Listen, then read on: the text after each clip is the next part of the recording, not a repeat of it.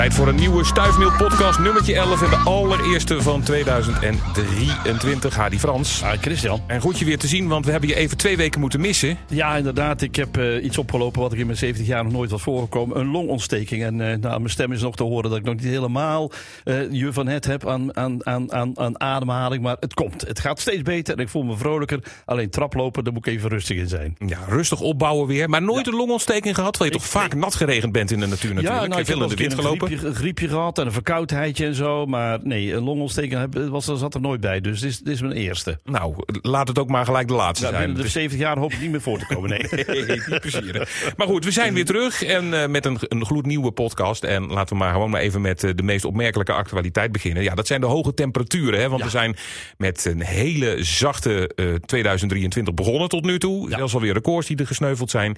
Hoe reageert de natuur erop? Dat we dus eh, eigenlijk begin januari, dan kan het ook vriezen. Maar we zitten gewoon, ja, zelfs s'nachts boven de 10 graden. Ja, ja het is, eh, het is eh, ja, een, beetje, een beetje lastig. Aan de ene kant zeg je van ja, voor dieren en planten die straks een, een vorst over zich heen krijgen, ja, zal het iets minder gaan worden. Mhm. Maar in feite, eh, planten en dieren trekken zich niet zoveel aan wat wij seizoenen noemen. Hè. Ik bedoel, of nou lente is of winter, dat maakt hun niet uit. Het gaat bij hen om twee dingen die heel belangrijk zijn. Eh, is nadat er dus een koude periode is geweest, hè, de, de koude behoefte heet dat dan, eh, eh, is de daglichtlengte lengte heel belangrijk. En als er voldoende daglichtlengte is, dan kunnen die dieren en planten kunnen zich ontwikkelen. Ja. En vooral de planten, want daar gaat het in feite over.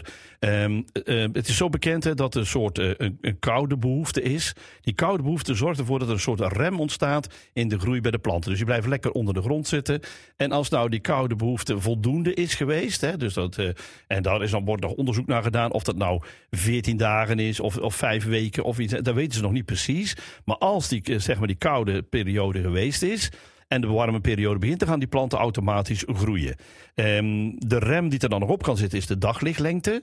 Hè, dat betekent als er tekort aan zonnetemperaturen zijn, ja, dan kunnen ze geen fotosynthese, heet dat dan, Ja. maken. Dat, waar ze voedsel uit eh, met zonne-energie en zeg maar hun eigen eh, bladeren eh, suikers van maken. Ja, dat, als dat dan onvoldoende is, dan is het groeiproces stopt dan ook in feite. Dus die daglichtlengte is ook belangrijk. Maar verder strekken zich niks van aan. Dus eh, als ze dit jaar meer eh, plantjes kunnen krijgen, hè, dus dat er dan dit jaar misschien meer madeliefjes komen als andere jaren, dat is voor de plant alleen maar eh, enorm belangrijk. Ja. Eh, dat kan ook voor dieren belangrijk zijn. Alleen het is wel zo, voor trekvogels, ja, dan wordt het een beetje lastig. Want als zeg maar bijvoorbeeld de trekvogels hier komen en de rupsen zijn al verdwenen omdat het vlinders zijn geworden, omdat Ja. het snel is gegaan, ja, dan hebben ze geen voedsel. Dat maakt het dus wel een beetje lastig. En dat is voor de biodiversiteit niet zo goed. Maar aan zich, als die dieren zich daar weer op aanpassen, Ja. ja. dan is er weer niks aan de hand. Nee, maar bijvoorbeeld, ik noem maar eens even wat, de eekhoorntjes, die trekken zich dan terug in de winter. Die denken van, nou, ik zet de wekker wel voor over drie maanden. En dan is het eigenlijk al heel vroeg lente. Stel voor dat het zo zou blijven, hè, dat het nou ja, in ieder geval boven nul blijft en zo. Komen die dan ook eerder weer tevoorschijn? Of merken ze dat überhaupt? Nou, eekhoorns slapen sowieso niet in de winter. Die doen geen winterslaap. Oh, Dat is wel zeg zo, ik het weer helemaal verkeerd? En dan Ja, een nou, die zou bij egels kunnen hebben. Hè? egels ja, ja, hè? precies. Ja. Egels is inderdaad zoiets. Hè? Die, die, die gaan de winterslaap in. En wat er dan gebeurt is, als de temperaturen boven 10 graden zijn, dan worden ze wakker. Nou, Ja. En wat ze dan moeten hebben is voedsel. Want eh, zo'n zo'n winterslaap kost heel veel energie. Eh, er gaat dus heel veel eigenlijk voedsel weg. En Ja. ze zijn dus sterk vermagerd. Op het moment dat ze boven de 10 graden komen, moeten ze eigenlijk meteen voedsel hebben. Ja, en dat is dan een beetje lastig als het dat nog niet is. Nou is het tegenwoordig wel zo dat er steeds meer ook insecten eh, de winter doorkomen. Hè? Dus je ziet ook steeds meer insecten de winter eh, actief zijn. Ja. Of, eh, of, of eh, bijvoorbeeld ook padden en, en kikkers enzovoort. Nou, als daar, als daar voldoende voedsel is voor die egels, dan kunnen ze dat weer overleven. In tuinen, hè, bij particuliere mensen achter, daar is het soms wat lastiger. Mhm. Omdat die tuinen vaak niet ingericht zijn om meer voedsel te produceren voor dat soort diertjes. En dan is het handig als mensen eh, kattenbrokken of hondenbrokken buiten zetten. Want dan is voor die dieren belangrijk. Dus heb je egels in je tuin Ja. en de temperaturen gaan boven de 10 graden. Zorg ervoor dat er dan iets te eten is. Want eten is dan het allerbelangrijkste. En als ze dat niet hebben, ja, dan gaan ze weer dood. Ja, nou, vogeltjes die kunnen dus wel inderdaad last van hebben en in de war raken en zo. Zullen we eens even één vogeltje benoemen? Ehm, je kent dat hartstikke eh, schattige liedje van roodborstje, tik tegen het raam, tik, tik, tik, laat het erin, laat het erin. Nooit doen, hè, want het zijn levensgevaarlijke, ontzettende gemene beesten. Dat heb je helemaal niet in de gaten. Ja, dat zijn, dat zijn hele, hele agressieve dieren eigenlijk. Dat is het punt. Eh, kijk, dat tikken tegen het raam, dat komt natuurlijk omdat daar vaak beestjes op zitten. En daarom eten ze dat op. Hè. Dus ze, ze tikken eigenlijk niet tegen het raam. Ze pakken alle beestjes op het raam zitten. Want wat gebeurt er nou? Die diertjes die voelen dat dat raam raam warmer is dan de rest van de buitenkant. Hè, want Ja. de winterse periode zeker. En is dat raam lekker warm, dan gaan er die dieren op zitten. Dan komen die roodborsten, die vreten al die beestjes op. Juist. Dus, eh, die, zijn er, die zijn niet zo blij, die beestjes. Nee. Maar ook roodborsten zijn heel, heel, heel dominant. Ehm, er was ook een vraag die is binnengekomen via de WhatsApp. En die zei Ja. van, ja, ik heb nu nog maar één eh, roodborst gezien. eh, leven die solitair? Ja, op dit moment Hmm. wel. En kom niet in de buurt als andere roodborst. Want je wordt gelijk in elkaar geslagen tot en met Echt de waar? roodborsten. En dan straks in de periode dat dus zeg maar koppeltjes gevormd moeten gaan worden. hè, Mannetjes en vrouwtjes. Mhm. Dan moet een vrouwtje zich duidelijk kenbaar maken dat het een vrouwtje is. Want doet ze dat niet, dan wordt ze gelijk aangevallen. Dus dan Oh. heeft ze een, een, een stukje voedsel bij zich of een blaadje of weet ik veel wat. En daarmee showt ze dat ze dus het vrouwelijke kant is van de roodborstenzijde. Ehm, als dat niet gebeurt, ja, dan wordt ze meteen door eh, die roodborst aangevallen. Want die wil geen enkel beest in zijn buurt hebben. En nu in de winterperiode absoluut helemaal niet. En mensen zeggen wel eens, ja, dan ben ik met, met mijn tuin bezig... en dan zet ik mijn schop eventjes weg... en dan ga ik nog wat met mijn handen in de grond vroeten... en dan zit een beestje al op de schop. Ja, eigenlijk wil je hebben, zo de biet erop, want dit is mijn gebied. Zo Dus is de niet roodborst zozeer dus. Van, niet zozeer van een heel lief beestje wat dichtbij je komt... maar eigenlijk een zeer agressieve, eh, territoriaal be- beest is het. Kijk, dat leer je nou niet op school, dat leer je gewoon in deze podcast. Handig is dat dus hè, te weten. Maar wat ik dan wel weer grappig vind, voor mijn idee, Ja. weten die beesten feilloos van elkaar of ze mannetje of vrouwtje zijn. Maar dat hebben roodborsten dus niet zo in de gaten. Nee, er zijn sommige. Het gaat om de oranje vlek die op, eh, op zo'n eh, zo'n zo'n diertje zit. Daar kennen we Eh, ze van natuurlijk. Hè? Ja, precies. En de, de mannetjes hebben dan een iets grotere oranje vlek. Maar als het vrouw toevallig een, net zo'n grote oranje vlek heeft als dat mannetje wat daar zit. Ja. Ja. dan wordt het voor dat mannetje lastig. En dan denkt het dat een concurrent mannetje is. Ja. Behalve als dat vrouwtje zich weer netjes aanbiedt als ik ben een vrouwtje. En hoe doet ze dat dan? Want ze kan niet... Ja, door middel van wat voedsel mee te nemen of een blaadje in de, in de bekje te hebben dat, dat, waar wat, wat op zit, dan, dan is het altijd goed wat, wat dat betreft. Dus dan heeft ze geshowd dat ze in Ah, ieder geval een vrouwelijke eh, onderdeel is van zeg maar, de roodborsten eh, zeg maar, eh, Familie. massa of familie. Maar is het een, een mannetje, dan ja, dan wordt er gelijk aangevallen. En het is zelfs zo sterk, ik heb het ooit een keer gelezen, dat 10% van de mannelijke bevolking sterft in de voortplantingstijd. Zo agressief zijn ze. Zo. Daar komt niet eens leeuwen voor. Dus ze zijn agressiever dan leeuwen. ja, absoluut. De, de, de, de roodborst is agressiever dan de leeuw. Ik heb de titel van deze podcast. Deze dan. En ze zijn ook nog hartstikke traditioneel, want de vrouw zorgt dus voor het eten. Ze moet met eten komen, dan wordt ze gewaardeerd, anders krijgt ze op een dat, de moment, kop. op dat moment, ja. Ja. Nou, dan gaat gewoon het proces van eh, wat ze dan samen opvoeden. Maar eh, ook dat duurt dan alleen maar die periode. En dan is het opzouten geblazen. Want als ze dan eh, daar blijft in die omgeving, dan wordt hij weer wel boos, zo'n mannetje. Dus dan moet opzouten. En het is ook wel grappig om te zien. Als je dus, in mijn tuin komen heel veel roodborsten voor. Als de, de winterse roodborsten uit het noorden komen, Ja. ja. dan is het constant vechten. Dan is het echt gewoon, echt, want die moeten ze helemaal niet hebben. Dus die zorgen helemaal dat ze in hun territorium niet willen gewend zijn. Maar zo, zo, zit, zo zit de roodborst in elkaar. Het, is een, het lijkt een heel lief vogeltje. Hij fluit ontzettend mooi. Maar daarachter zit een enorme agressiviteit. Gelukkig uh, fladderen er ook wat uh, minder agressieve soorten rond. Uh, bijvoorbeeld het beestje wat binnen is gekomen... wat jij gelijk tot uh, diertje van de week hebt, uh, hebt gebombardeerd. Want het is een vlindertje. Ja, dat is een vlindertje. Ja, dat is een nachtvlinder om speciaal te zijn. Maar weer zoiets. Hè. Het is een nachtvlinder die dagactief is. Dus daarom heeft zeg maar de, degene die het gevonden heeft... Evelien Rijns ten Berge. Die had het achter de keukenraam gezien. Die heeft dat beest kunnen zien. Alhoewel, het is wel wat laat in de, in de periode. Maar goed, niks, niks, niks kan, is verrassend dan dat er dieren zeg maar, ook misschien wel een stukje overwinteren gaan. Het is een hele bijzondere familie, deze uh, glasvleugelvlinders, uh, oftewel wespvlinders. Een bijzondere nachtvlinderfamilie is het in feite, want ze hebben iets heel bijzonders. Dat is dat ze doorzichtige vleugels hebben. Dat is al, al wat er bijzonder is. En wat nog heel mooi is, voorheen dachten ze dat ze heel zeldzaam waren. Maar dat kwam omdat ze een heel uh, verborgen leven hebben als, als uh, sowieso als rups. Hè? Want uh, dus de eitjes worden gelegd. Maar die eitjes die worden niet zeg maar op iets gelegd, maar die worden in de takjes gelegd. Dus in takjes of in stukjes hout. Daar worden ze ingelegd. Dus die vallen niet eens op. En die beestjes die eruit komen, die rupsjes, die vreten dus gangen in die takjes. Dus dan zie je ze ook niet eens. Het enige wat je kunt zien als er in zo'n, zo bijvoorbeeld in dit geval van die bessenglasvlinder, kun je dus onder de besjes een, een hoop uh, ja, molm zien wat er uitgevallen is, omdat ze dus gangen graven. Nou, ze verpoppen zich ook in die takjes, dus daarom kun je ze ook weer niet zien.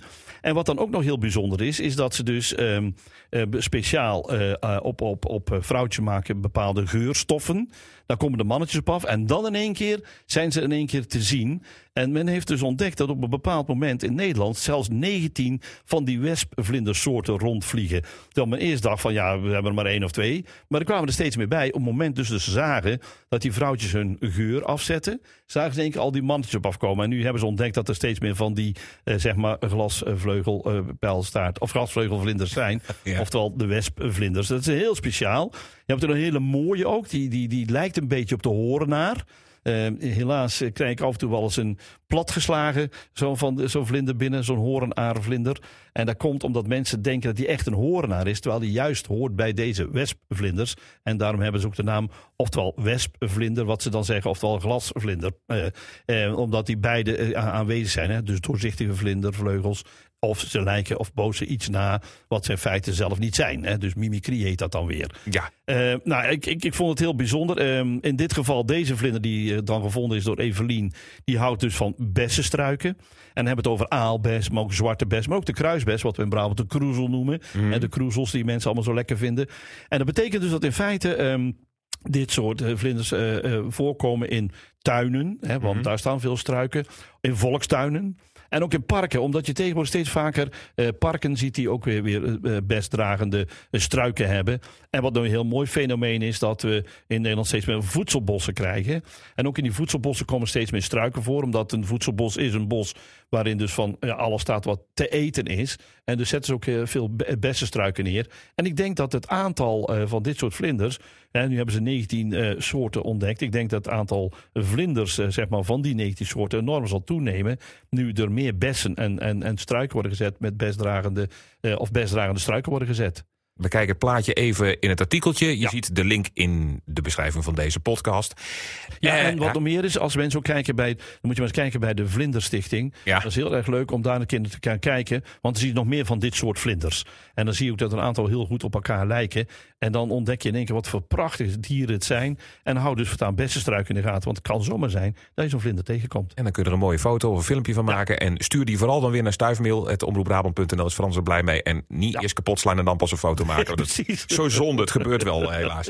Goed, dat gebeurt de regenwormen dan weer wat minder, hè, kapot geslagen worden. Maar eh Ja. er is wel weer wat over te vertellen over Ja, absoluut. Hè. En de regenwormen die eh, worden dan. Ik, ik lees wel eens op internet dat er dan bestrijdingsmiddelen zijn tegen regenwormen. Nou, eigenlijk moeten de mensen die dat eh, op gaan zoeken en die dat gaan gebruiken, die moeten een bestrijdingsmiddel over zich heen krijgen. Want Oh, wacht even zonde. Het is zo zonde. De roodborst in jou wordt nu ineens wakker, Frans. nee, ja.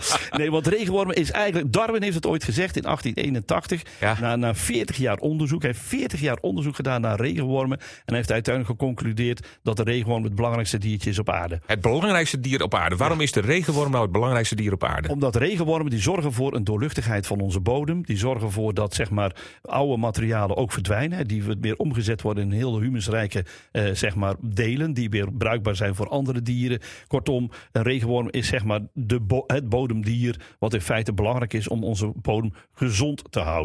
En dat zei hij al in 1881. En hij was dus zeg maar, met een boek bezig. Dat heet het Wormenboek. Hij heeft er echt een wormenboek geschreven.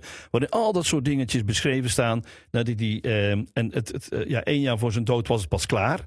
Eh, Eén jaar voor zijn dood was pas klaar. En toen heeft hij dus zeg maar dat boek uitgegeven. Eh, maar 40 jaar lang heeft hij daar onderzoek naar gedaan. En heeft natuurlijk de meeste leuke dingen ontdekt. Hij zegt zelf ook van, ja, wormen zijn nuttig en intelligent. Eh, en hij toonde natuurlijk die intelligentie aan eh, doordat hij op een bepaalde manier die, met die beesten omging. Hij heeft op een gegeven moment bedacht van, ja, ik moet... ehm, eh, als ik naar een bodem kijk, hè, dan als er, als er geen regenwormen zijn, dan is het geen bodem. Klaar, daar was je al helemaal klaar mee.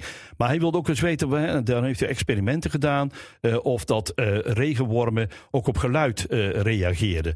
Dus kun je je voorstellen, zo'n mooie, zeg maar, geleerde man, die staat dan voor zo'n pot regenworm te schreeuwen als een idioot. En ze reageren helemaal niet. Ze reageren helemaal niet. Dat is wel het grappige ervan. Want daar, eh, dat geluid, dat maakt er niet zoveel uit. Maar toen hij op een gegeven moment, eh, zeg maar, tegen de eh, piano ging spelen. Ja. En ook de pot regenwormen vlakbij zetten. Toen kropen ze allemaal snel heel weg. Dus bereikbaar reageren ze op de fijnste trillingen. En waarschijnlijk zat er in zijn schreeuw niet heel veel trillingen. Nee, precies. Maar eh, voor de fijnste trillingen, een ademstoot uit je mond vlakbij een regenworm doet hem al bewegen. Oké. Dus die dieren kunnen enorm gevoelig zijn die voor alles wat met trillingen te maken heeft. En vandaar dat de merels erachter zijn gekomen. En ook weer andere vogels doen dat ook. Maar vooral de merels. Die gaan dan in de buurt waar zeggen we zien dat er een goede bodem is. Ja. Gaan ze op de grond staan trappelen. En dan gaan ze heel langzaam trappelen. En dat is voor die regenworm een teken van, hé, hey, dat is een trilling. Dan ga je eens kijken wat er aan de hand is. Ja, dan heeft hij pech, want dan pakt hij weer meer meteen op en is hij weg. gaat het dan. Maar, Maar dat kun je ook doen als, eh, als je thuis bent eh, en je hebt een mooi gezonnetje voor je huis liggen. Gaan we eens een beetje op de grond staan trappelen. En we zeker weten dat er een regenworm naar boven komt. Ga het dus even proberen. Ja, en, laat het even, en laat het even weten. En als het kan, maak er een filmpje van. Want dat Ja, zou dat heel leuk wel zijn. veel leuker. Ja, dat zeker. zou leuk zijn als we dat eh, volgende week eh, zouden, zouden kunnen, eh, kunnen delen. We hebben nog tijd voor één diertje. Voordat we nog even over een belangrijke kwestie wat nestkastjes betreft te sprake komen. Dan zou het kunnen hebben over zeg maar, wat tegenwoordig steeds vaker voorkomt, is luizen. Luizen. De zwarte luizen, die zijn dus ontdekt do- door, ook door iemand die had een kerstboom binnengezet. En die kerstboom had op een gegeven moment, na drie dagen, viel er allerlei luizen naar beneden. ja. Ja, en hoe komt dat nu? Kijk, die luizen, dat zijn dieren, eh, en het zijn dus bladluizen, die, die zuigen plantensap op. Ja. En op een bepaald moment, als je dus planten hebt staan die vers zijn, kijk ze ook altijd eventjes na eh, of daar geen luizen op zitten en vooral niet of er eitjes op zitten. Want als er eitjes op zitten, komen daar natuurlijk de luizen straks op een gegeven moment uit. Mhm. En zo'n imago, eh, maar ook zeg maar het diertje wat naar die, eh, imago toe gaat, want je hebt een, het een onvolledige gedaantewisseling. Je hebt een, eh, uit het ei komt dan een beetje, wat lijkt al een beetje op het latere volwassen diertje. Oké, ja. Eh, die, die zuigen allemaal plantensap op. En wat doen ze het liefste? Ze zullen het liefste naar de groeipunten toe gaan. Dat kan een bladknop zijn, dat kan een bloemknop zijn. Want daar komt het meeste, eh, ja, zeg maar, belangrijke plantensap naartoe.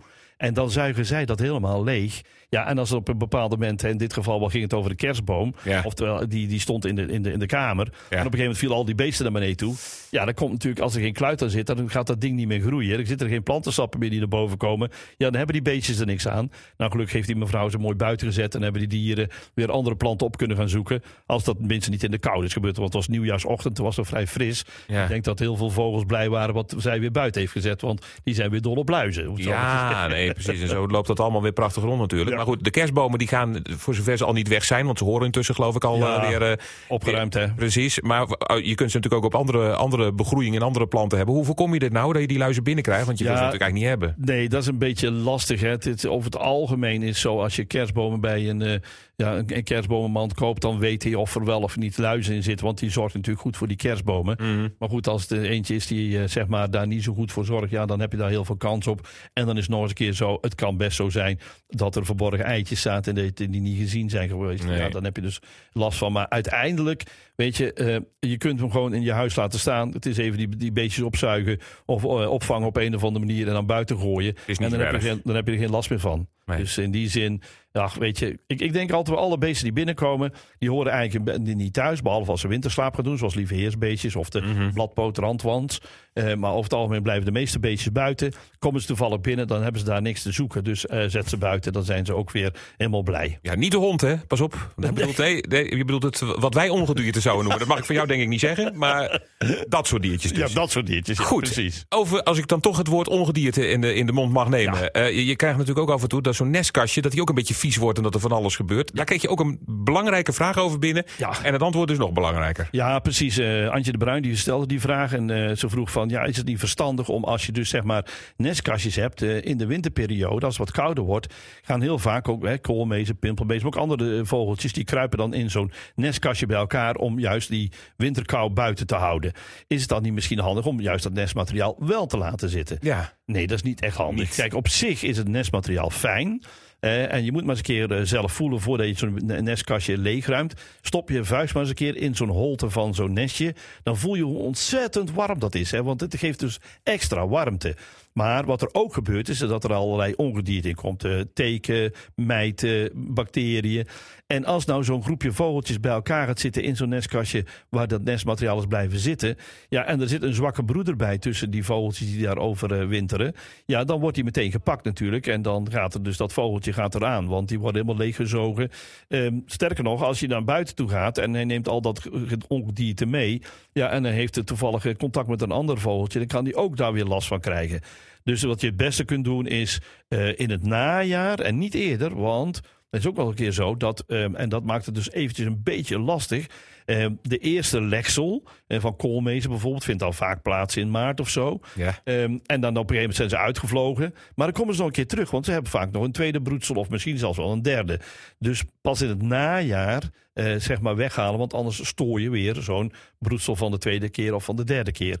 Dus het najaar echt je kastje helemaal schoonmaken. Het beste nog is met, met groene zeep naboenen. Ja. Want er kan ook nog in het hout wat materiaal blijven zitten of ongedierte. En als je dat dan hebt gedaan, ja, dan weet ik zeker dat die vogeltjes in de winter gewoon lekker die, die koude kunnen mijden. Want wat is het meest ergelijke bij voor de vogels in de winter? Niet echt de kou, maar de wind. En als ze windvrij zitten, Ja. dan hebben ze veel minder last. Want een vogel die in de winter zit, en dan mag het best wel 10, 15 graden onder nul zijn, die pompen hun, eh, zeg maar, eh, tussen hun vleugels zoveel lucht dat die koude hun niet deert. Maar die wind, die zorgt meestal voor de venijnigheid. Dus als het te veel koude wind is, dan hebben ze juist die schuilplaatsen nodig. Juist, dus een goede vraag. Dus in dit geval, hartelijk dank daarvoor. Inderdaad, die nestkast. Ik denk dat heel veel mensen met een nestkastje daar geen idee van hebben dat je die af en toe echt schoon moet maken. Doe dat, maar dan vooral in de herfst moeten we er in de herfst nog wel even op terugkomen eigenlijk. Want anders vergeten Ja. mensen dat natuurlijk. Hè? Nee, zeker weten. Gaan we nog een keer doen. Heel uitgebreid in de herfst over wat allemaal in de herfst met eh, de vogels gebeurt. Precies. Nou, eh, dan zijn we weer rond. Ehm, voor alle plaatjes eh, bij de verhalen die Frans verteld heeft, verwijs ik je naar eh, de link bij eh, dit, eh, deze omschrijving van deze podcast. Dan kom je op het artikeltje van deze week. En alle andere podcasts die kun je hier ook eh, natuurlijk even terug beluisteren. Frans, hartelijk dank. Graag gedaan, Christian. En tot de volgende Tot de volgende podcast.